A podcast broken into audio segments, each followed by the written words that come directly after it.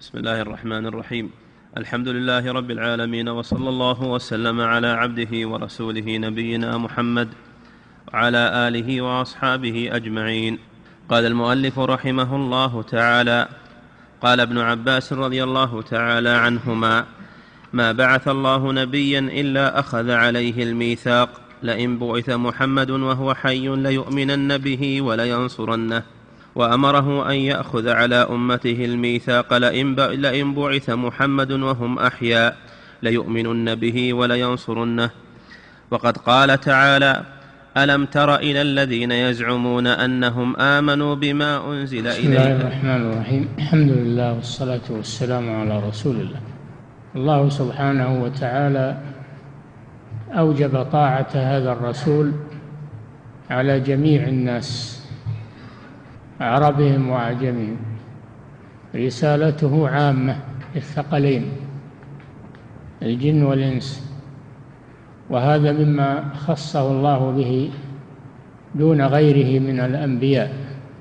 فمن خصائصه صلى الله عليه وسلم أن الله جعل رسالته عامة بينما رسالات الأنبياء من قبله خاصة بأقوامهم. والغرض من هذا الرد على الذين يزعمون أن هناك من تجب طاعته غير الرسول صلى الله عليه وسلم كالذين يتخذون مشائخهم وطرائقهم موصلة إلى الله من دون الرسول صلى الله عليه وسلم كغلاة الصوفية. فلا طريق إلى الله إلا باتباع هذا الرسول صلى الله عليه وسلم. قل إن كنتم تحبون الله فاتبعوني يحببكم الله ويغفر لكم ذنوبكم. والله غفور رحيم. قل أطيعوا الله والرسول فإن تولوا فإن الله لا يحب الكافرين. وكذلك من زعم أن اليهود والنصارى لا يلزمهم اتباع محمد صلى الله عليه وسلم وإنما يبقون على اتباع موسى وعيسى.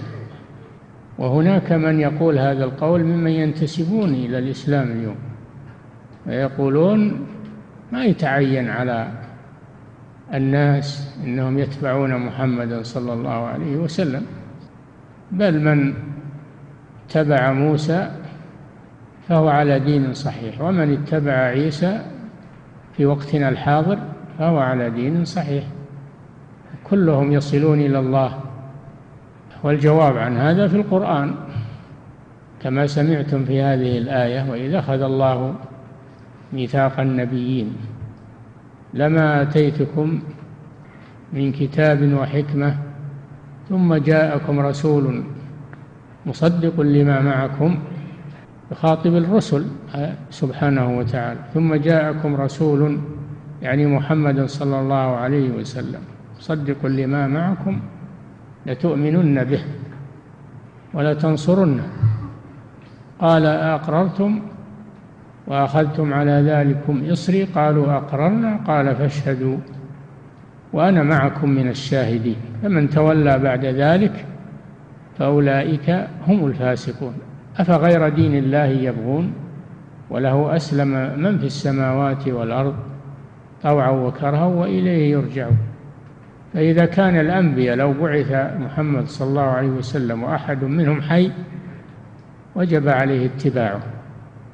فكيف بغيرهم من رؤساء الصوفية وغيرهم؟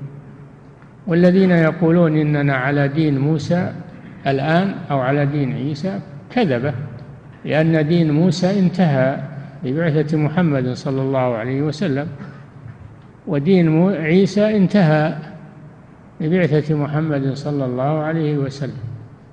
لم يبقى غير دين محمد عليه الصلاة والسلام وهو الطريق الوحيد إلى الله عز وجل. فمن لم يتبع هذا الرسول فهو كافر. وإن كان يزعم أنه متبع لموسى أو لعيسى أو لشيخه أو غير ذلك فهو كافر بالله سبحانه وتعالى.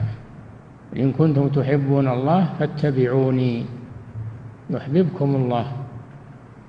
هذا أمر يجب اعتقاده. وأنه لا دين إلا دين محمد صلى الله عليه وسلم. بعد بعثته إلى أن تقوم الساعة. لا دين إلا دينه. ولا ينجو أحد إلا باتباعه صلى الله عليه وسلم. نعم. فهذا معنى قوله تعالى وإذا أخذ الله ميثاق النبيين. نعم. وقد قال تعالى ألم تر إلى الذين يزعمون أنهم آمنوا بما أنزل إليك وما أنزل من قبلك يريدون أن يتحاكموا إلى الطاغوت وقد أمروا أن يكفروا به ويريد الشيطان أن يضلهم ضلالا بعيدا وإذا قيل لهم تعالوا إلى ما أنزل الله وإلى الرسول رأيت المنافقين يصدون عنك صدودا فكيف إذا أصابتهم مصيبة بما قدمت أيديهم؟ ثم جاءوك يحلفون بالله إن أردنا إلا إحسانا وتوفيقا.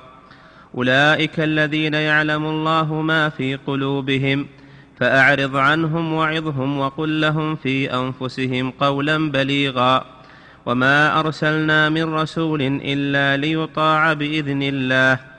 ولو أنهم إذ ظلموا أنفسهم جاءوك فاستغفروا الله واستغفر لهم الرسول لوجدوا الله توابا رحيما فلا وربك لا يؤمنون حتى يحكموك فيما شجر بينهم ثم لا يجدوا في أنفسهم حرجا مما قضيت ويسلموا تسليما. كذلك يجب أن يحكم في النزاع والاختلاف بين الناس أن يحكم شرع محمد صلى الله عليه وسلم. أن يحكم شرع محمد صلى الله عليه وسلم. الذي هو القرآن الكريم والسنة النبوية. فإذا حصل خلاف بين الناس إما في العقيدة وهذا أولى وأحرى وإما في الأموال والخصومات التي تقع بين الناس لا بد من التحاكم إلى كتاب الله القرآن وإلى سنة رسول الله صلى الله عليه وسلم. فمن حكم غير شريعة الرسول صلى الله عليه وسلم فهو كافر. إذا كان يرى جواز ذلك أو أنه مخير أو أن هناك حكما أحسن من حكم الله أحسن من حكم القرآن والسنة وأن القوانين الوضعية أحسن للناس في هذا الزمان. فهذا كافر كفرا صريحا مخرجا من الملة والعياذ بالله. فإذا حكم غير الشرع المحمدي يرى أنه أحسن من الشرع المحمدي أو أنه مساو له أو أنه مخير إن شاء حكم الشرع المحمدي أو حكم غيره فهذا كافر بالله الكفر الأكبر المخرج من الملة. وفي هذه الآيات ألم تر إلى الذين يزعمون أنهم آمنوا بما أنزل إليك وما أنزل من قبلك؟ يريدون أن يتحاكموا إلى الطاغوت. إلى آخر الآيات إلى قوله تعالى فلا وربك لا يؤمنون حتى يحكموك فيما شجر بينهم ثم لا يجدوا في أنفسهم حرجا مما قضيت ويسلموا تسليما. سبب نزول هذه الآيات كما ذكر المفسرون أنه حصلت خصومة بين رجل من المنافقين الذين يتظاهرون بالإسلام يتظاهرون بالإسلام وبين يهودي حصلت منازعة بين منافق يزعم الإيمان بمحمد صلى الله عليه وسلم وبين يهودي فقال اليهودي نتحاكم إلى محمد لعلمه أن رسول الله صلى الله عليه وسلم لا يأخذ الرشوة. وقال المنافق نتحاكم إلى كعب بن الأشرف اليهودي أو إلى اليهود لعلمه أنهم يأخذون الرشوة. فأنزل الله هذه الآيات. ألم تر إلى الذين يزعمون؟ شوف يزعمون. والزعم معناه الكذب. فهم كاذبون في دعواهم الإيمان بمحمد صلى الله عليه وسلم وإنما هو زعم. يزعمون أنهم آمنوا أي يدعون أنهم آمنوا بما أنزل إليك وهو القرآن ما أنزل من قبلك من الكتب السابقة. يريدون أن يتحاكموا إلى الطاغوت. هذا تناقض. يزعمون أنهم آمنوا بمحمد ثم يتحاكمون إلى غيره. هذا تناقض. فالذي يتحاكم إلى غير الرسول ليس مؤمنا به. وإن كان يدعي ذلك.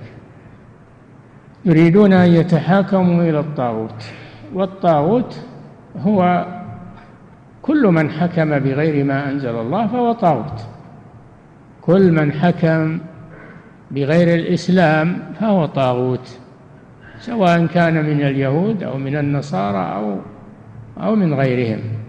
دون أن يتحاكموا إلى الطاغوت وقد أمروا أن يكفروا به. أمر الله بالكفر بالطاغوت. قال تعالى فمن يكفر بالطاغوت ويؤمن بالله فقد استمسك بالعروة الوثقى. لا انفصام لها. الله سميع عليم.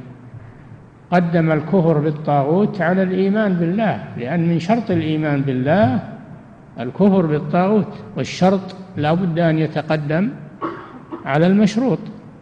يريدون أن يتحاكموا إلى الطاغوت. وقد أمروا أمرهم الله أن يكفروا بالطاغوت.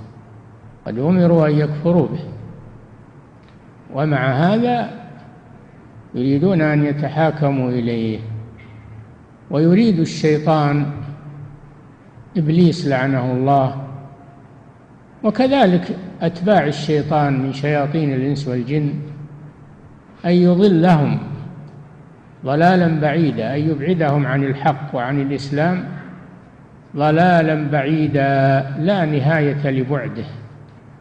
ضلال وبعيد أيضا. فالذي يوثر الحكم بالطاغوت على الحكم بالإسلام قد ضل ضلالا بعيدا. بعيدا عن الهدى بعيدا عن الإسلام بعيدا عن الإيمان بالله. كل أنواع الوعد. ويريد الشيطان أن يضلهم ضلالا بعيدا فأطاعوا الشيطان. أطاعوا الشيطان ولم يطيعوا أمر الله الذي أمرهم أن يكفروا بالطاغوت. شوف أطاعوا الشيطان ولم يمتثلوا أمر الله الذي أمرهم أن يكفروا بالطاغوت ومع هذا يدعون الإيمان. وانظر إلى قوله يريدون أن يتحاكموا يريدون. ما بعد تحاكموا إلى الآن؟ لكن يريد التحاكم إلى الطاغوت. يكفر بهذا ولو لم يفعل. بمجرد الإرادة يكفر ولو لم يفعل. والعياذ بالله. يريدون أن يتحاكموا إلى الطاغوت. وقد أمروا أن يكفروا به. ويريد الشيطان أن يضلهم ضلالا بعيدا. فكيف إذا أصابتهم مصيبة؟ إذا نزلت بهم عقوبة على فعلهم هذا. وما أقرب العقوبة لمن فعل هذا؟ كيف حالهم إذا نزلت بهم عقوبة على فعلهم هذا؟ ثم جاءوك يحلفون.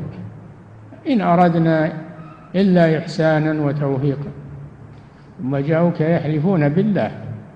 إن أردنا إلا إحسانا وتوفيقا. ما أردنا بتحكيم غيرك إلا الإحسان إلى الناس والتوفيق بينهم. قصدنا حسن يقولون قصدنا حسن. ما قصدنا الكفر بك وإنما قصدنا أن نصلح بين الناس وأن نحسن إليهم بإنهاء النزاعات. والعذر أقبح من العذر أقبح من الفعل. هل الإحسان والتوفيق يكون بغير الشرع؟ فعذرهم هذا أقبح والعياذ بالله مما لو فعلوا. فالإحسان إلى الناس والتوفيق بين الناس إنما هو بشرع الله سبحانه وتعالى لا بحكم الطاغوت. إن أردنا إلا إحسانا وتوفيقا يحلفون بالله يحلفون ما يأكدون هذا بالحلف. إن أردنا إلا إحسانا وتوفيقا أولئك الذين يعلم الله ما في قلوبهم. وإن تظاهروا واعتذروا فإن الله يعلم ما هو السبب الذي حملهم على تحكيم الطاغوت. وإن تظاهروا واعتذروا وقالوا ما أردنا إلا إحسانا وتوفيقا.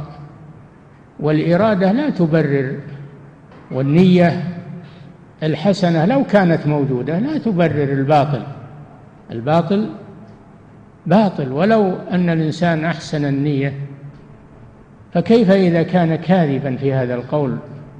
لو كان صادقا أنه ما أراد إلا الإحسان والتوفيق ليس هذا بمبرر أن يعدل عن الشرع إلى غيره. فكيف وهو كاذب؟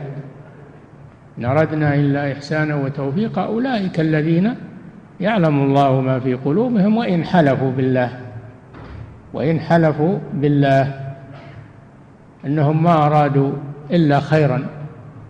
أولئك الذين يعلم الله ما في قلوبهم فأعرض عنهم. لا تقبل منهم عذرا. لا تقبل عذرهم. فأعرض عنهم وعظهم أو تعرض عنهم وتتركهم. لا لا بد من الإنكار عليهم والموعظة. أو تعرض عنهم وتتركهم. لا بد من بيان أنهم على ضلال وأنهم قد انحرفوا عن الحق. أعرض عنهم لا تقبل عذرهم. وعظهم فيما فعلوا لعلهم يرجعون ويتوبون. فدل على أن من ارتكب خطأ ظاهرا أنه لا يترك بل يجب موعظته ونصيحته لعله أن يرجع أو أن تقوم الحجة عليه تبرأ الذمة بعدم مناصحته. وعظهم وقل لهم في أنفسهم بينك وبينهم قولا بليغا زاجرا. ما هو قول سهل أو أو أسلوب يعني فيه لين. لا قول بليغ زاجر يؤثر على السامع لأنهم ارتكبوا أمرا فظيعا. فلا بد من التغليظ عليهم في القول ولكن هذا يكون سرا يكون سرا بينك وبينهم وقل لهم في أنفسهم قولا بليغا. فأيضا قل لهم في أنفسهم قولا بليغا. ثم قال وما أرسلنا من رسول إلا ليطاع بإذن الله. ففعلهم هذا معصية للرسول صلى الله عليه وسلم مع أن الواجب أن يطاع الرسول صلى الله عليه وسلم. إلا ليطاع بإذن الله أي بشرعه وبإذن الله الشرعي وإذن الله القدري إلا ليطاع بإذن الله لأن الرسول لا يأتي إلا بشرع الله سبحانه وتعالى. فهذا فيه أن الرسول إنما يأمر بما أمر الله به ولا يحكم إلا بما حكم الله به إلا ليطاع بإذن الله. ثم قال ولو أنهم ظلموا أنفسهم. شوف عرض الله عليهم التوبة والاستغفار. ولو أنهم ظلموا أنفسهم في مقالتهم السابقة يريدون أن يتحاكموا إلى الطاغوت. وأيضا اعتذارهم الكاذب. لو أنهم مع هذه الجرائم الشنيعة رجعوا إلى الله سبحانه وتعالى فاستغفروه وطلبوا منك أن تستغفر لهم. لوجدوا الله توابا رحيما. والله يتوب على من تاب. ولو كان جرمه شنيعا وكبيرا فإن الله يغفر الذنوب ويقبل التوبة ممن تاب إلى الله. فلا يقنط المجرم لا يقنط من رحمة الله ويترك التوبة والاستغفار. جاءوك أيها الرسول ولو أنهم ظلموا أنفسهم جاءوك فاستغفروا الله. هم هم استغفروا الله طلبوا منه المغفرة وطلبوا منك أن تستغفر لهم لأن الرسول صلى الله عليه وسلم مجاب الدعوة واستغفاره عند الله مقبول. استغفروا الله واستغفر لهم الرسول. لوجدوا الله توابا كثير التوبة رحيما لا يعاجل بالعقوبة. فهذا فيه أن من وقع في ذنب ولو كان عظيما أنه يتوب إلى الله عز وجل. والله يقبل التوبة عن عباده. وأنه في عهد الرسول صلى الله عليه وسلم يطلب منه أن يستغفر له. أما بعد موته فلا يطلب الاستغفار من الرسول. بعض الجهال أو أهل الضلال يحتجون بهذه الآية أنهم يأتون عند قبر الرسول صلى الله عليه وسلم ويطلبون منه الاستغفار محتجين بهذه الآية مع أن الآية إنما تعني في حياة الرسول صلى الله عليه وسلم لا بعد موته لأن الرسول بعد موته لا يطلب منه شيء. لا يطلب منه شيء لا الاستغفار ولا غيره. الصحابة لما أجدبوا ما طلبوا منه أن يدعو لهم ويستغفر لهم بل طلبوا من عمه العباس أن يدعو لهم بالاستسقاء. وهم أعلم الأمة بما بتفسير القرآن. فلو كانوا فهموا من الآية المجيء إلى قبر الرسول وطلب الدعاء والاستغفار منه ذهبوا إلى قبره صلى الله عليه وسلم. ولما عدلوا إلى العباس. لماذا؟ عدلوا عن الرسول إلى العباس لأن الرسول ميت والعباس حي فالميت لا يطلب منه شيء. أما الحي فيطلب منه ما يقدر عليه يطلب منه ما يقدر عليه وهو الدعاء والاستغفار لغيره. فالصحابة ما ذهبوا إلى قبر الرسول بعد موته. إنما يذهبون إلى عند قبر الرسول يسلمون عليه فقط. إذا جاءوا من سفر يأتون إلى قبر الرسول ويسلمون عليه وعلى صاحبيه كما يسلمون على الأموات في المقابر. فزيارة القبور للسلام عليهم مشروعة. أما طلب الحوائج منهم فهذا لا يجوز وهو شرك. شرك بالله عز وجل. أيضا لفظ الآية لفظ الآية يدل على أن الذهاب إلى قبره للاستغفار لا يجوز. لماذا؟ لأنه قال إذ ظلموا أنفسهم وإذ ظرف لما مضى من الزمان ولم يقل إذا ظلموا أنفسهم لأن إذا ظرف لما يستقبل من الزمان ففرق بين إذ وإذا. ولفظ الآية إذ ظلموا أنفسهم. يعني فيما مضى. لا في المستقبل بعد وفاة الرسول صلى الله عليه وسلم. ثم قال جل وعلا في ختام الآيات مقسما بنفسه سبحانه فلا وربك لا يؤمنون هم يزعمون أنهم آمنوا بما أنزل إليك وما أنزل من قبل. فلا وربك لا يؤمنون هذا رد عليهم. لا يؤمنون حتى يحكموك فيما شجر بينهم فيما هذا عام في جميع الشجارات والاختلافات كلها ترد إلى الله وإلى الرسول. وما اختلفتم في شيء فردوه إلى الله. فإن تنازعتم في شيء فردوه إلى الله والرسول. ما نتحاكم إلى الشريعة في الأحوال الشخصية فقط. كما في كثير من أو كل البلاد الإسلامية إلا ما شاء الله.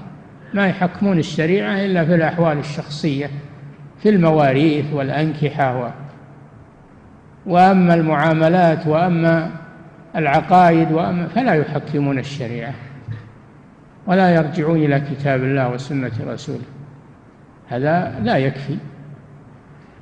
فيما شجر بينهم في أي شيء شجر بينهم في العقائد في الخصومات في الأموال في جميع المنازعات كلها ترد إلى الكتاب والسنة. لا يؤمنون حتى يحكموك فيما شجر بينهم. والشجار هو الاختلاف والتنازع. ولا يكفي هذا أيضا. ما يكفي أنهم يحكموك يحكمونك فيما شجر بينهم. بل لا بد أن لا يجدوا في أنفسهم حرجا مما قضيت فيرضون بحكم الله حكم رسوله ويقتنعون يقتنعون بذلك اقتناعا تاما ثم لا يجدوا في أنفسهم حرجا مما قضيت. أما الذي يجد في نفسه كراهية لحكم الله وحكم رسوله فهذا ليس بمؤمن. ذلك بأنهم كرهوا ما أنزل الله فأحبط أعمالهم ثم لا يجدوا في أنفسهم حرجا مما قضيت بل يعتقدون أنه هو الحق وأنهم مخطئون. أنهم مخطئون لا بد من هذا. ثم لا يجدوا في أنفسهم حرجا فكيف إذا تكلموا وقالوا ما نرضى بهذا؟ لا نرضى بهذا. ونريد حكما غيره. هذا أشد والعياذ بالله. إذا كان في نفوسهم لا يؤمنون إذا وجدوا شيئا من الشك أو من الحرج في حكم الله ورسوله فكيف إذا تكلموا أو كتبوا؟ الأمر أشد. ويسلم تسليما. أيضا لا بد من التسليم والانقياد. الانقياد التام لحكم الله ورسوله. وعدم الممانعة والمماطلة وتطويل الخصومة لأجل لأجل إبطال حق الخصم أو التباطؤ به لا بد من التسليم والانقياد وإعطاء أصحاب الحقوق حقوقهم التي حكم الله ورسوله بها لهم. من غير مماطلة وتباطؤ وإتعاب للخصم. نعم. الشاهد من الآيات أنه لا بد من تحكيم الرسول صلى الله عليه وسلم في كل خلاف وفي كل نزاع والصدور عما حكم به صلى الله عليه وسلم وقبول ذلك والتسليم له دون غيره من الناس. لا أصحاب الطرق الصوفية ولا اليهود ولا النصارى ولا القوانين الوضعية ولا غير ذلك. نعم. وكل من خالف شيئا مما جاء به الرسول صلى الله عليه وسلم مقلدا في ذلك لمن يظن أنه ولي لله فإنه بنى أمره على أنه ولي لله وإن ولي الله لا يخالف في شيء. ولو كان هذا الرجل من أكبر أولياء الله كأكابر الصحابة والتابعين لهم بإحسان لم يقبل منه ما خالف الكتاب والسنة. نعم. هذا سبق وأعاده الشيخ رحمه الله بعد الآيات أنه لا أحد يطاع فيما يخالف كتاب الله وسنة رسوله ولو كان من أولياء الله.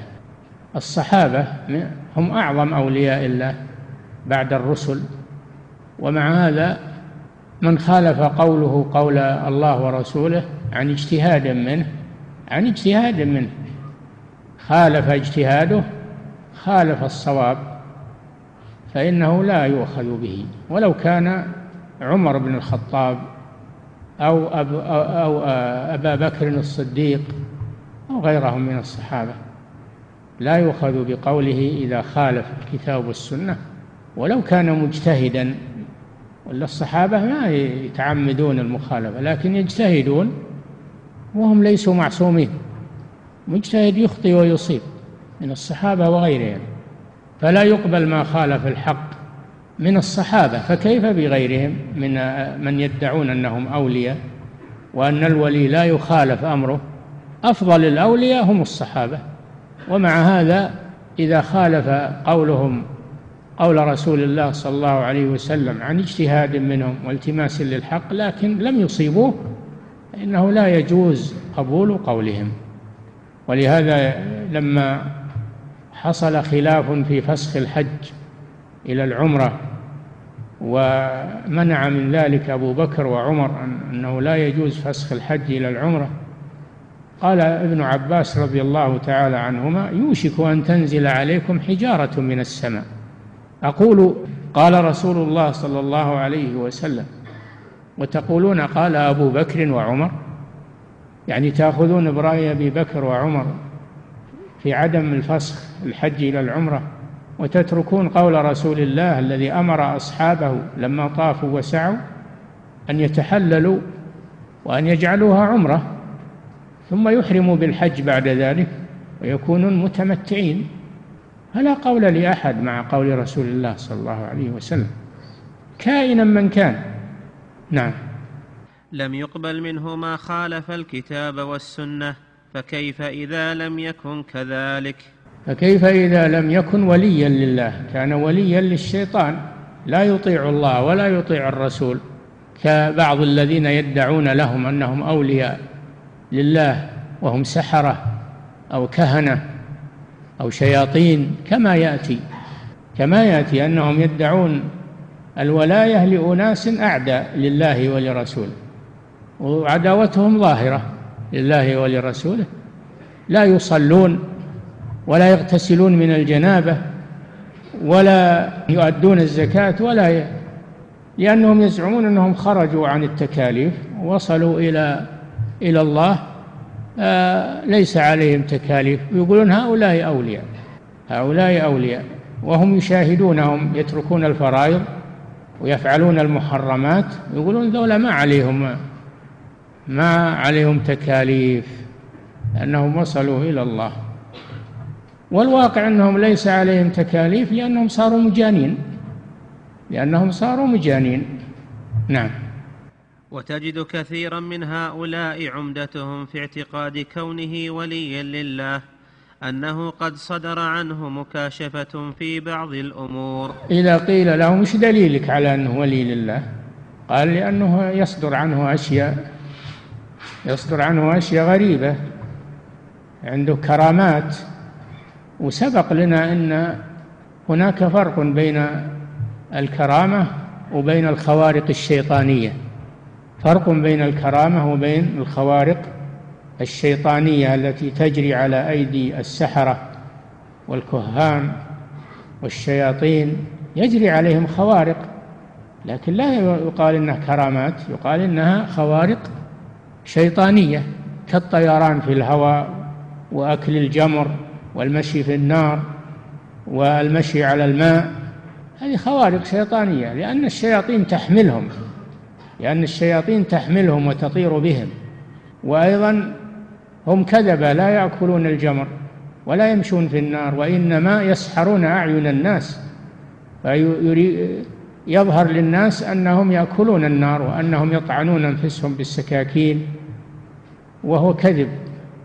إنما يسحرون أعين الناس كالذين في عهد فرعون.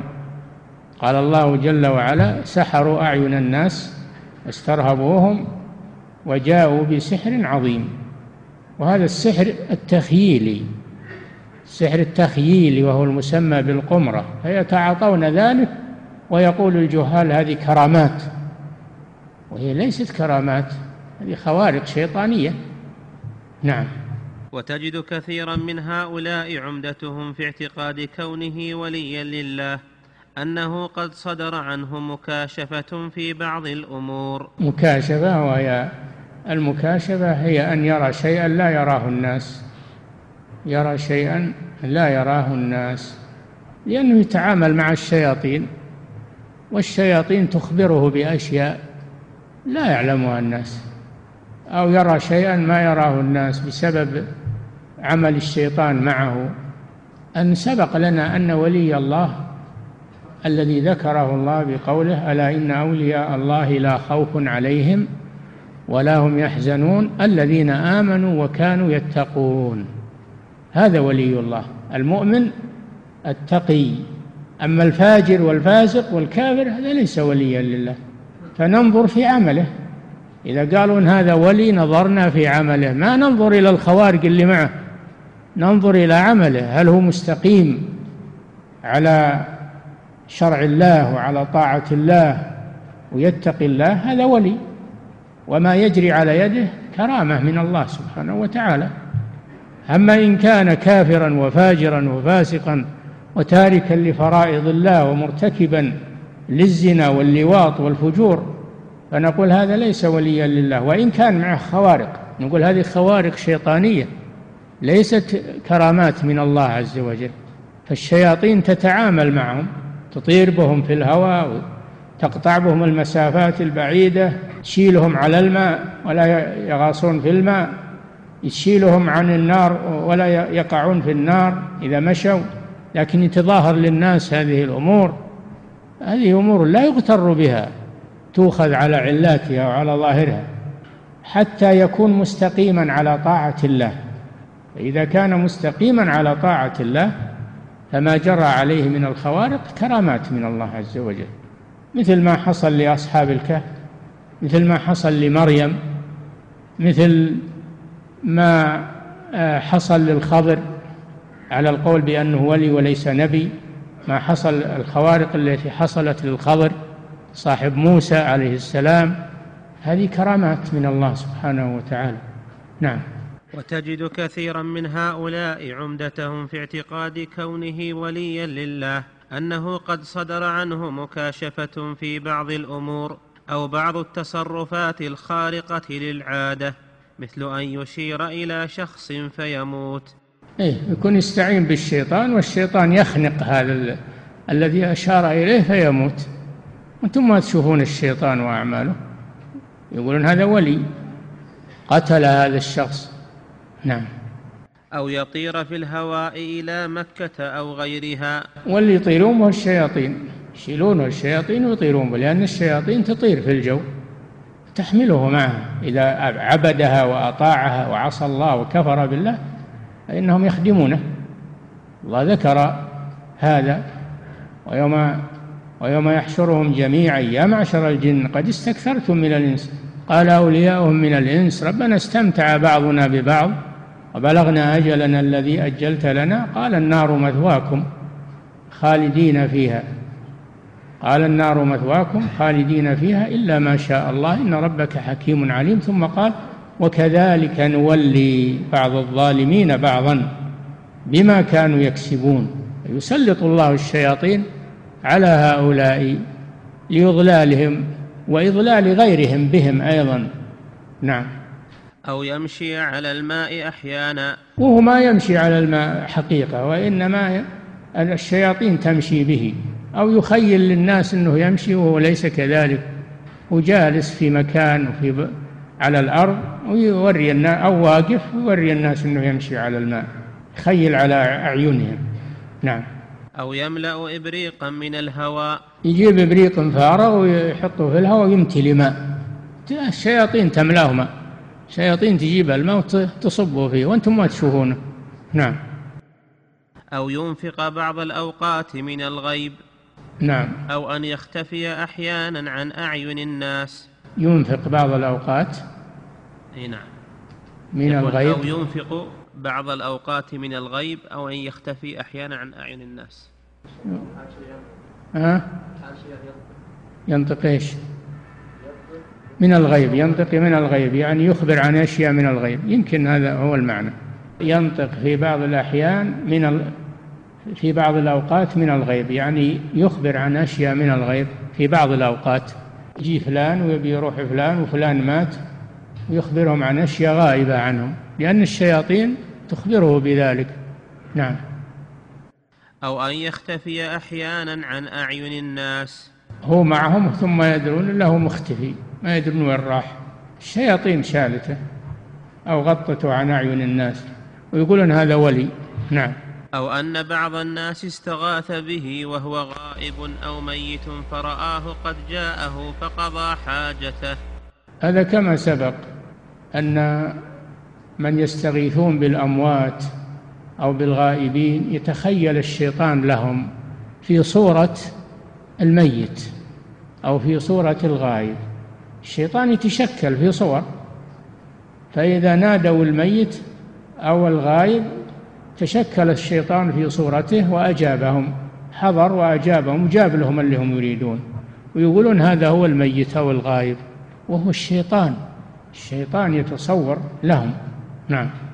أو يخبر الناس بما سرق لهم أو بحال أي نعم. هذه مصيبة. الحين يروحون للكهنة إذا ضاع لهم شيء يسألونهم ويخبرونهم وين أموالهم عنده ومن اللي سرقهم ومن اللي ويقولون هذا ولي من أولياء الله وهو ولي من أولياء الشيطان لأن الشيطان هو الذي يخبره عن الأشياء الغائبة والمسروقات.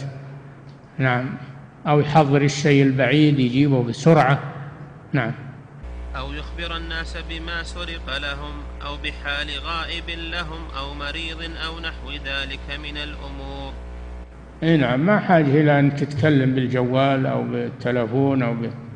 يخبرهم وهم زاعدين الشيطان. إي نعم يقول لهم فلان كذا وهو الآن مريض وهو الآن صحيح وهو الآن يمشي وهو يخبرهم. نعم. وليس في شيء من هذه الأمور ما يدل على أن صاحبها ولي انتبهوا وليس في هذه الأمور. انتبهوا. ما في هذه الأمور ما يدل على أن صاحبها ولي حتى يكون مستقيما على طاعة الله. نعم. وليس في شيء من هذه الأمور ما يدل على أن صاحبها ولي لله. بل قد اتفق أولياء الله على أن الرجل لو طار في الهواء انتبهوا هذه فائدة عظيمة. نعم. بل؟ بل قد اتفق أولياء الله على أن الرجل لو طار في الهواء أو مشى على الماء لم يغتر به حتى ينظر متابعته لرسول الله صلى الله عليه وسلم. هذا هو الفارق فرقان بين أولياء الرحمن وأولياء الشيطان. الفارق هو اتباع الكتاب والسنة. فإذا كان مؤمنا متبعا للكتاب والسنة فما معه من الخوارق كرامات أجراها الله على يده. وإن كان مخالفا للكتاب والسنة فما معه من الخوارق شيطانية. خوارق شيطانية. ليست كرامات من الله سبحانه وتعالى. نعم. لم يغتر به حتى ينظر متابعته لرسول الله صلى الله عليه وسلم وموافقته لأمره ونهيه. نعم هذا هو العلامة. نعم. ما هي بالعلامة؟ كون معه خوارق. العلامة المتابعة لرسول الله صلى الله عليه وسلم. نعم. وكرامات أولياء الله تعالى أعظم من هذه الأمور. نعم الله يجري على أيدي أوليائه بعض الكرامات العظيمة التي لا تخطر ببال لكنهم لا يغترون بها ويتكبرون بها ويدعون الناس إلى تعظيمهم بل يتواضعون.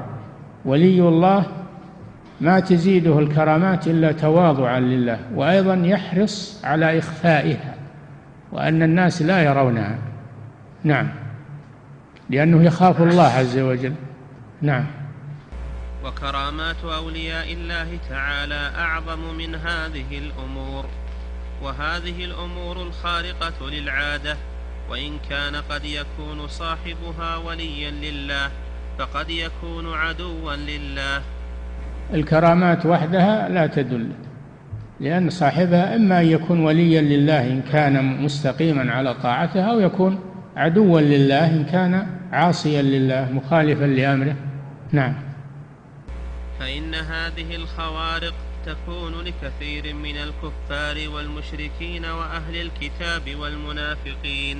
نعم الآن الكفرة والملاحدة عندهم أشياء غريبة عندهم أشياء غريبة لكنها من الشيطان وليست من الرحمن. نعم. وتكون لأهل البدع وتكون من الشياطين. كلها من الشياطين وليست هي كرامات من الله سبحانه وتعالى. الله سلط عليهم الشياطين. ألم ترى أنا أرسلنا الشياطين على الكافرين تؤزهم أزا؟ فتظهر هذه الأشياء على أيديهم لل للغرور والعياذ بالله والتضليل. وكل شيء فهو بقضاء الله وقدره. لكنه لا يجري إلا لحكمة عظيمة من الله سبحانه وتعالى. نعم. فلا يجوز أن يظن أن كل من كان له شيء من هذه الأمور أنه ولي لله. نعم. بل يعتبر أولياء الله بصفاتهم وأفعالهم وأحوالهم التي دل عليها الكتاب والسنة. بل يعتبر ولي الله بأعماله وأفعاله ومتابعته للكتاب والسنة. يعتبر بهذه الأمور لا بالكرامة لا بالخوارق فقط. لا بالخوارق فقط وإنما يعتبر بالإيمان والتقوى. ألا إن أولياء الله لا خوف عليهم ولا هم يحزنون.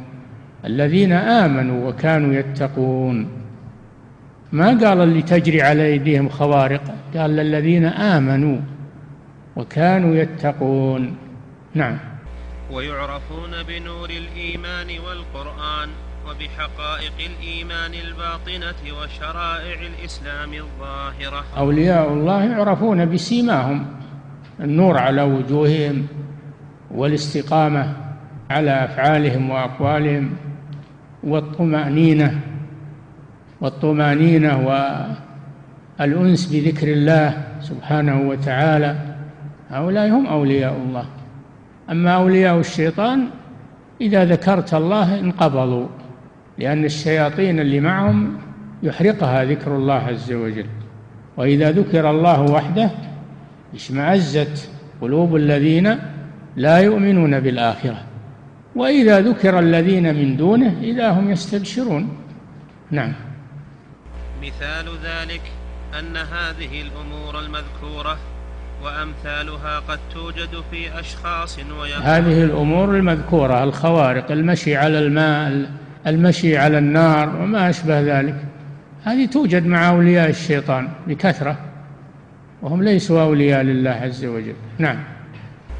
قد توجد في أشخاص ويكون أحدهم لا يتوضأ ولا يصلي الصلوات المكتوبة. أي يقولون هذا ولي لأنه ما عليه تكاليف. ما عليه تكاليف. التكاليف على العوام إلا هذا من الخواص هذا ولي من خاصة الخاصة ليس عليه وسقطت عنه التكاليف. نعم. بل يكون ملابسا للنجاسات معاشرا للكلاب. نعم.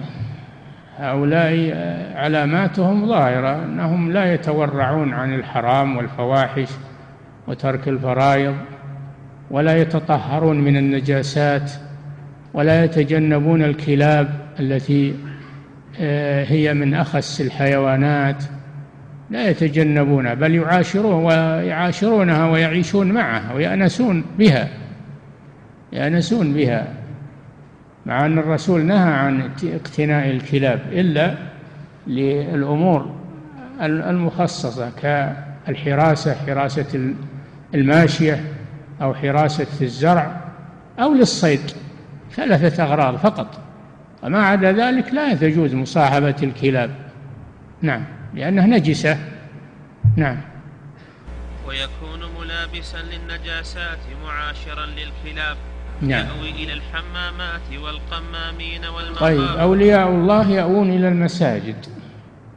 يأوون إلى المساجد. أولياء الشيطان يأوون إلى الحمامات لأن الحمامات مآوي الشياطين. الشياطين تأوي إلى الحمامات.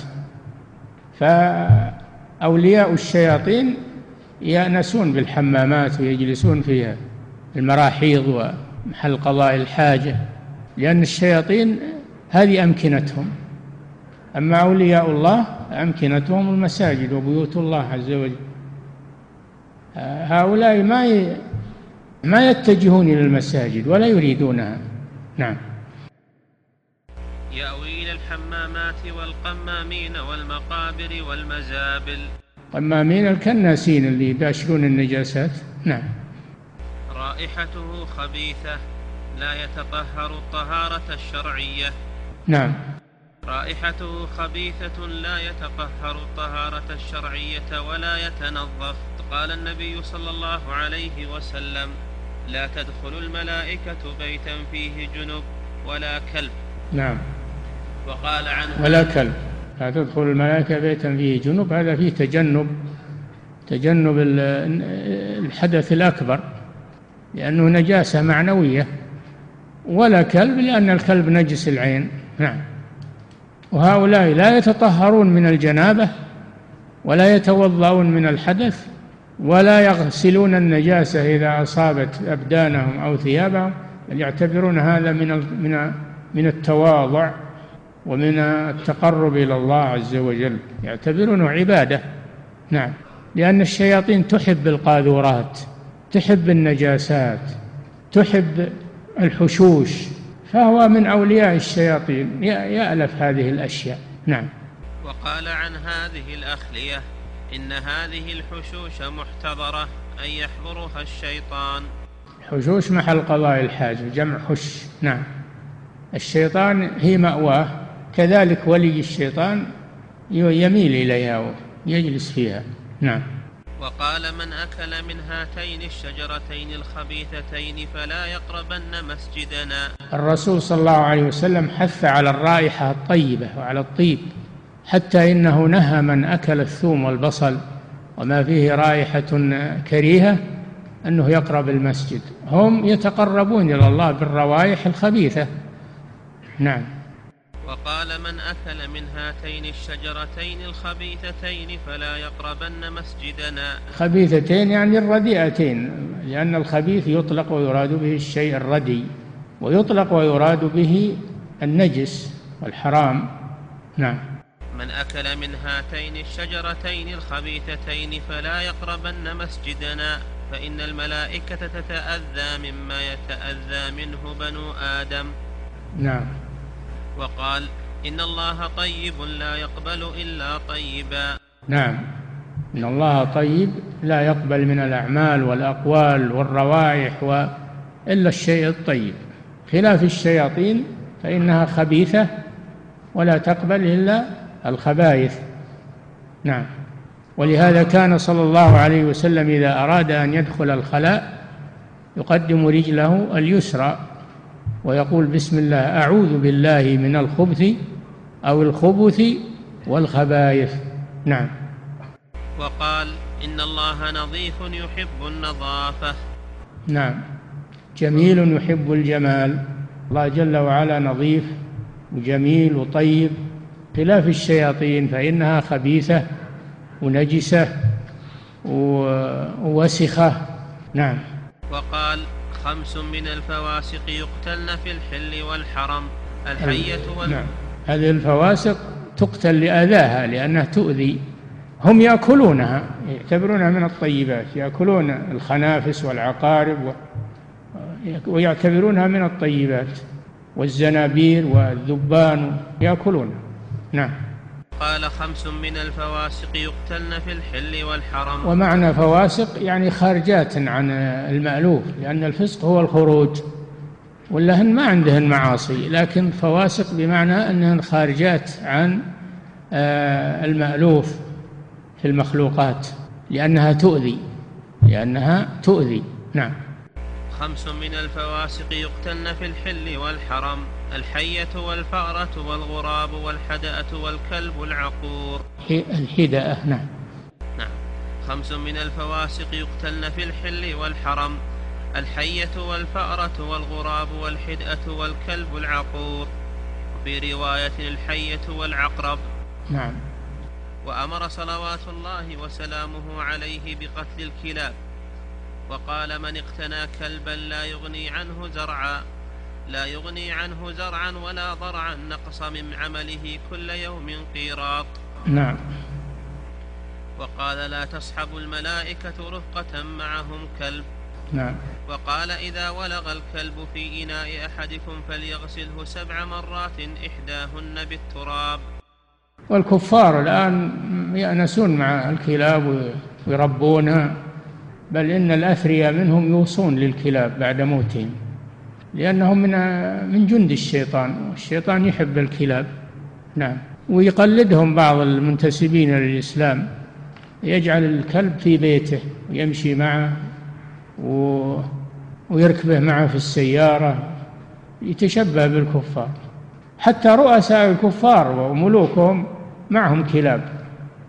لأن سبحان الله كل شيء يميل إلى جنسه. شيء يميل إلى جنسه. نعم. فلما كانت طبيعتهم طبيعة كلاب مالوا إلى الكلاب. نعم.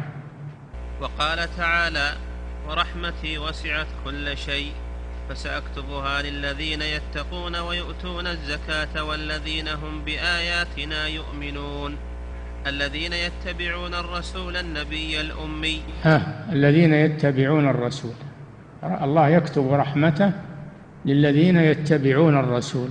الذين لا يتبعون الرسول لا يكتب الله لهم رحمته. نعم.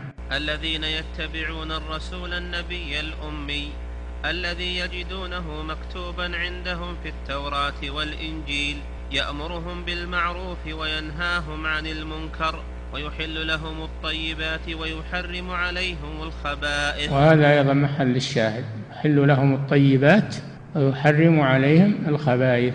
فصارت الطيبات حلال للمؤمنين. والخبائث حرام عليهم. لكن الكو... لكن الشياطين وأتباع الشياطين يتغذون بالخبائث ويألفونها نعم. ويضع عنهم إسرهم والأغلال التي كانت عليهم. لأن الله حملهم إصرا وأغلالا بسبب كفرهم. فلو آمنوا بالرسول صلى الله عليه وسلم لوضع الله عنهم هذه الآثار والأغلال. الآثار وهي التثقيل عليهم في الأوامر والنواهي والتشديد عليهم. والأغلال هي الأشياء التي حرمها الله عليهم وكانت طيبة بالأول مباحة بظلم من الذين هادوا حرمنا عليهم طيبات أحلت لهم. والله حرم عليهم أشياء حلالا عقوبة لهم تحريم عقوبة. نعم. فالذين آمنوا به وعزروه ونصروه واتبعوا النور الذي أنزل معه أولئك هم المفلحون. آمنوا به آمنوا به وصدقوه وعزروه يعني وقروه واحترموه واتبعوا النور الذي أنزل معه. لا يكفي أنه يعلم أنه رسول ويثني عليه وأنه لا بد يتبعه. وإلا فأبو طالب أثنى على الرسول صلى الله عليه وسلم ومدحه ومدح دينه لكن لما لم يتبعه مات على الكفر صار من أهل النار والعياذ بالله. لا بد من الاتباع وهذا محل الشاهد. واتبعوا النور الذي أنزل معه. نعم. فإذا كان الشخص مباشرا للنجاسات والخبائث التي يحبها الشيطان أو يأوي إلى الحمامات والحشوش التي تحضرها الشياطين أو يأكل الحيات والعقارب والزنابير. نعم. وآذان الكلاب التي هي خبائث وفواسق أو يشرب البول ونحوه من النجاسات التي يحبها الشيطان أو يدعو غير الله فيستغيث بالمخلوقات ويتوجه إليها أو يسجد إلى ناحية شيخه ولا يخلص الدين لرب العالمين. أو يلابس الكلاب أو يلابس الكلاب أو النيران أو يأوي إلى المزابل والمواضع النجسة أو يأوي إلى المقابر ولا سيما إلى مقابر الكفار من اليهود والنصارى أو المشركين أو يكره سماع القرآن وينفر عنه ويقدم عليه سماع الأغاني والأشعار ويؤثر سماع مزامير الشيطان على سماع كلام الرحمن فهذه علامات أولياء الشيطان لا علامات أولياء الرحمن. نعم. يكفي. أحسن الله إليكم صاحب الفضيلة. أسئلة كثيرة. أعرض على فضيلتكم ما تيسر منها ومنها هذا السؤال. يقول مر بنا آه، في الدرس السابق آثار عن أبي سليمان الداراني وأبي عثمان النيسابوري وأبي عمرو بن الجنيد. فما مقصود شيخ الإسلام ابن تيمية بأن هؤلاء مشائخ الصوفية؟ هؤلاء من أهل الزهد وهم صوفية معتدلة صوفيتهم معتدلة وهم يقولون علمنا مربوط بالكتاب والسنة. وهؤلاء المتأخرون يدعون أنهم ينتسبون إلى هؤلاء. فالشيخ يريد الرد عليهم لأن الذين تدعون أنهم أئمتكم هم يحثون على اتباع الكتاب والسنة. فلماذا تخالفونهم؟ هذا قصده. قصده إلزامهم بهذا. نعم. أحسن الله إليكم صاحب الفضيلة وهذا السائل يقول هل من يحكم بشرع الله ولكن على أشخاص دون آخرين هل يعتبر من التحاكم إلى الطاغوت؟ كيف يحكم على أشخاص دون آخرين؟ ما يجوز هذا. لازم يحكم بشرع الله. وأن يحكم بينهم بما أنزل الله ولا تتبع أهواءهم. واحذرهم أن يفتنوك عن بعض ما أنزل الله. إذا كان يحكم بين كل إنسان وما يريد وما المسلم لأنه يريد الإسلام يحكم له بالإسلام والكافر لأنه يريد الكفر يحكم له بالكفر. هذا والعياذ بالله. هذا لا يؤمن بالله هذا يريد إرضاء الناس فقط. نعم. أحسن الله إليكم صاحب الفضيلة وهذا السائل يقول هل الذي يجد في نفسه حرجا مما حكم به الرسول صلى الله عليه وسلم يكون مسلما. الآية تدل على أنه لا يكون مؤمنا فلا وربك لا يؤمنون إلا بهذه الأمور حتى يحكموك فيما شجر بينهم. هذه واحدة. ثانية ثم لا يجدوا في أنفسهم حرجا مما قضيت. الثالثة ويسلموا تسليما. نعم. أحسن الله إليكم صاحب الفضيلة وهذا السائل يقول من كان مقيما في بلاد الكفر وحصلت له خصومة فهل يجوز له أن يطلب حقه عند المحكمة التي تحكم بالقوانين الوضعية؟ نعم إذا كان ما في محكمة شرعية وحقه يضيع حقه يضيع فيطالب به يطالب بحقه لأنه لم يظلم أحدا ولم يأخذ باطلا وإنما أخذ حقه. نعم. أحسن الله إليكم صاحب الفضيلة وهذا السائل يقول هل إذا رأى الإنسان من يأكل أو أك أو أو الزجاج وغيره أن يبادر بقراءة المعوذات عليه ويقوم بإبطال هذه الأمور؟ نعم إذا كان في هذا رد لباطله وإبطال لشره أمام الناس يفعل هذا. نعم. أحسن الله إليكم صاحب الفضيلة وهذا السائل يقول هل الذي تحصل له خوارق شيطانية هل يسمى طاغوت؟ من أتباع الطاغوت هو من أتباع الشيطان. الشيطان هو رأس الطواغيت. فأتباعه مثله. طواغيت. نعم. أحسن الله إليكم صاحب الفضيلة وهذا السائل يقول ما حكم الذهاب إلى المهرجانات التي يكون فيها من أكل الجمر والمشي على المسامير وغيرها من الأمور الخارقة؟ هل هو كحكم الذهاب إلى السحرة ومشاهدتهم؟ هو نفس الشيء نعم. لا يجوز للإنسان أن يحضر هذه الأماكن التي فيها السحر والشر. إلا على سبيل أنه يسعى في إنكارها وإزالتها. أما أنه يجلس ويتفرج ولا يقوم بإنكارها والسعي في إزالتها فهذا لا يجوز له أن يذهب إليها. وإذا رأيت الذين يخوضون في آياتنا فأعرض عنهم حتى يخوضوا في حديث غيره. وإما ينسينك الشيطان فلا تقعد بعد الذكرى مع القوم الظالمين. قد نزل عليكم في الكتاب أن إذا سمعتم آيات الله يكفر بها ويستهزأ بها فلا تقعدوا معهم. كونك تقعد تفرج فقط هذا لا يجوز. نعم. أحسن الله إليكم صاحب الفضيلة وهذا السائل يقول عندنا في بلدنا من يفعل أمورا من الخوارق الشيطانية وقد علم أمره وتبين حاله ولكن هل من الحكمة أو من فقه الدعوة أن يفضح بين الناس أو يناصح أولا. إذا كانت مناصحته تجدي إذا كانت مناصحته تجدي فيناصح أولا فإذا نوصح ولم يقبل يفضح أمره على الناس. يبدأ به أولا لعله يختصر الطريق ويرجع إلى الله. فإذا لم يرجع لا بد من فضح أمره لئلا يغتر به الناس. نعم أحسن الله إليكم صاحب الفضيلة السائل يقول هل يجوز استخدام الجن في الأمور المباحة أو في الأعمال الخيرية؟ لا يجوز هذا أبدا ولا يفتح هذا الباب. لا ينفتح علينا باب الاستعانة بالشياطين والاستعانة بالجن ونقول هذا من الدعوة إلى الله. يشيلونه يروح يدعو بأفريقيا ولا في هذا من الدعوة إلى الله. لا يجوز هذا. نعم.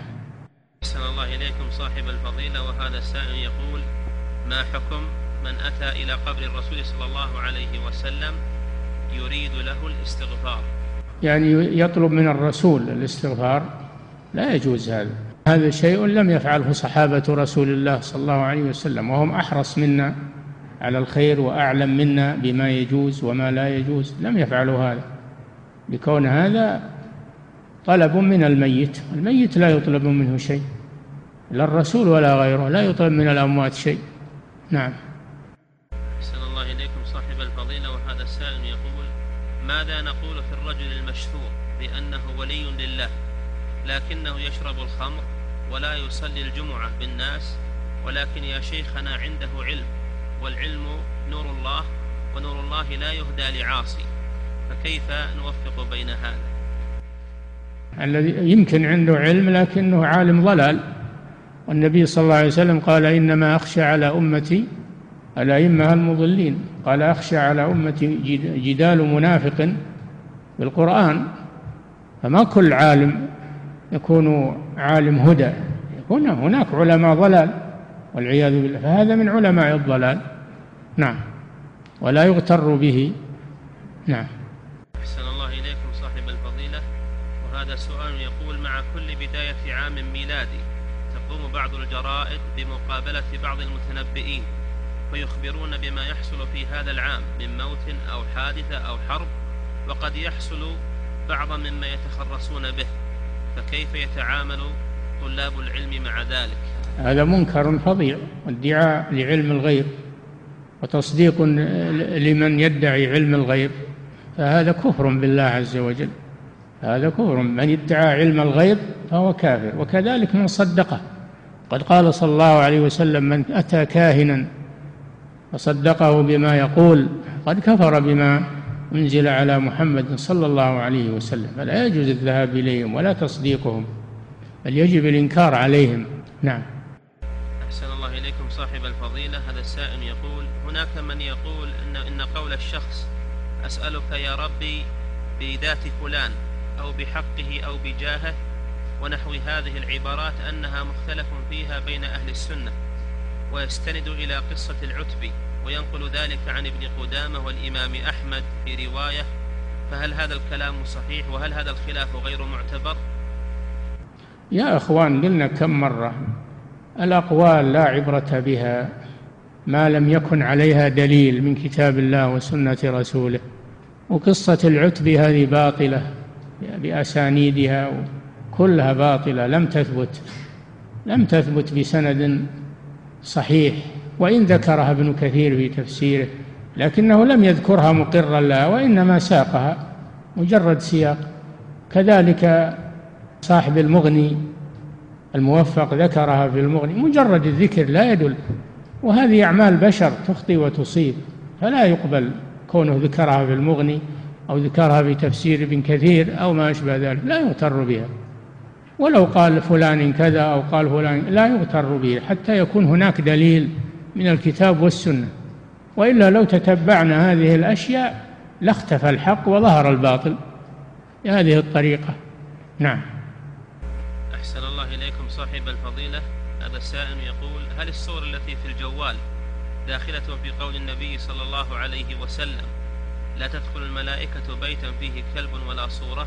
الصورة الواضحة المعروضة أو المعلقة. نعم ينطبق عليها الحديث. أما الصورة التي لا تظهر ولا ترى فلا تأخذ هذا الحكم. نعم. ولكن لا يجوز اقتناء الجوال اللي فيه الكاميرا لأنها أداة تصوير وأداة التصوير لا يجوز شراها ولا اقتناءها بل يجب إتلافها لأنها أداة شر. نعم. أحسن الله إليكم صاحب الفضيلة. هذا السائل يقول ما صحة الحديث الذي أورده شيخ الإسلام؟ لا تدخل الملائكة بيتا فيه جنب أو كلب. لا تدخل الملائكة الحديث الصحيح لا تدخل الملائكة بيتا فيه كلب ولا صورة. وقال لعلي لا تدع صورة إلا طمستها ولا قبرا مشرفا إلا سويته.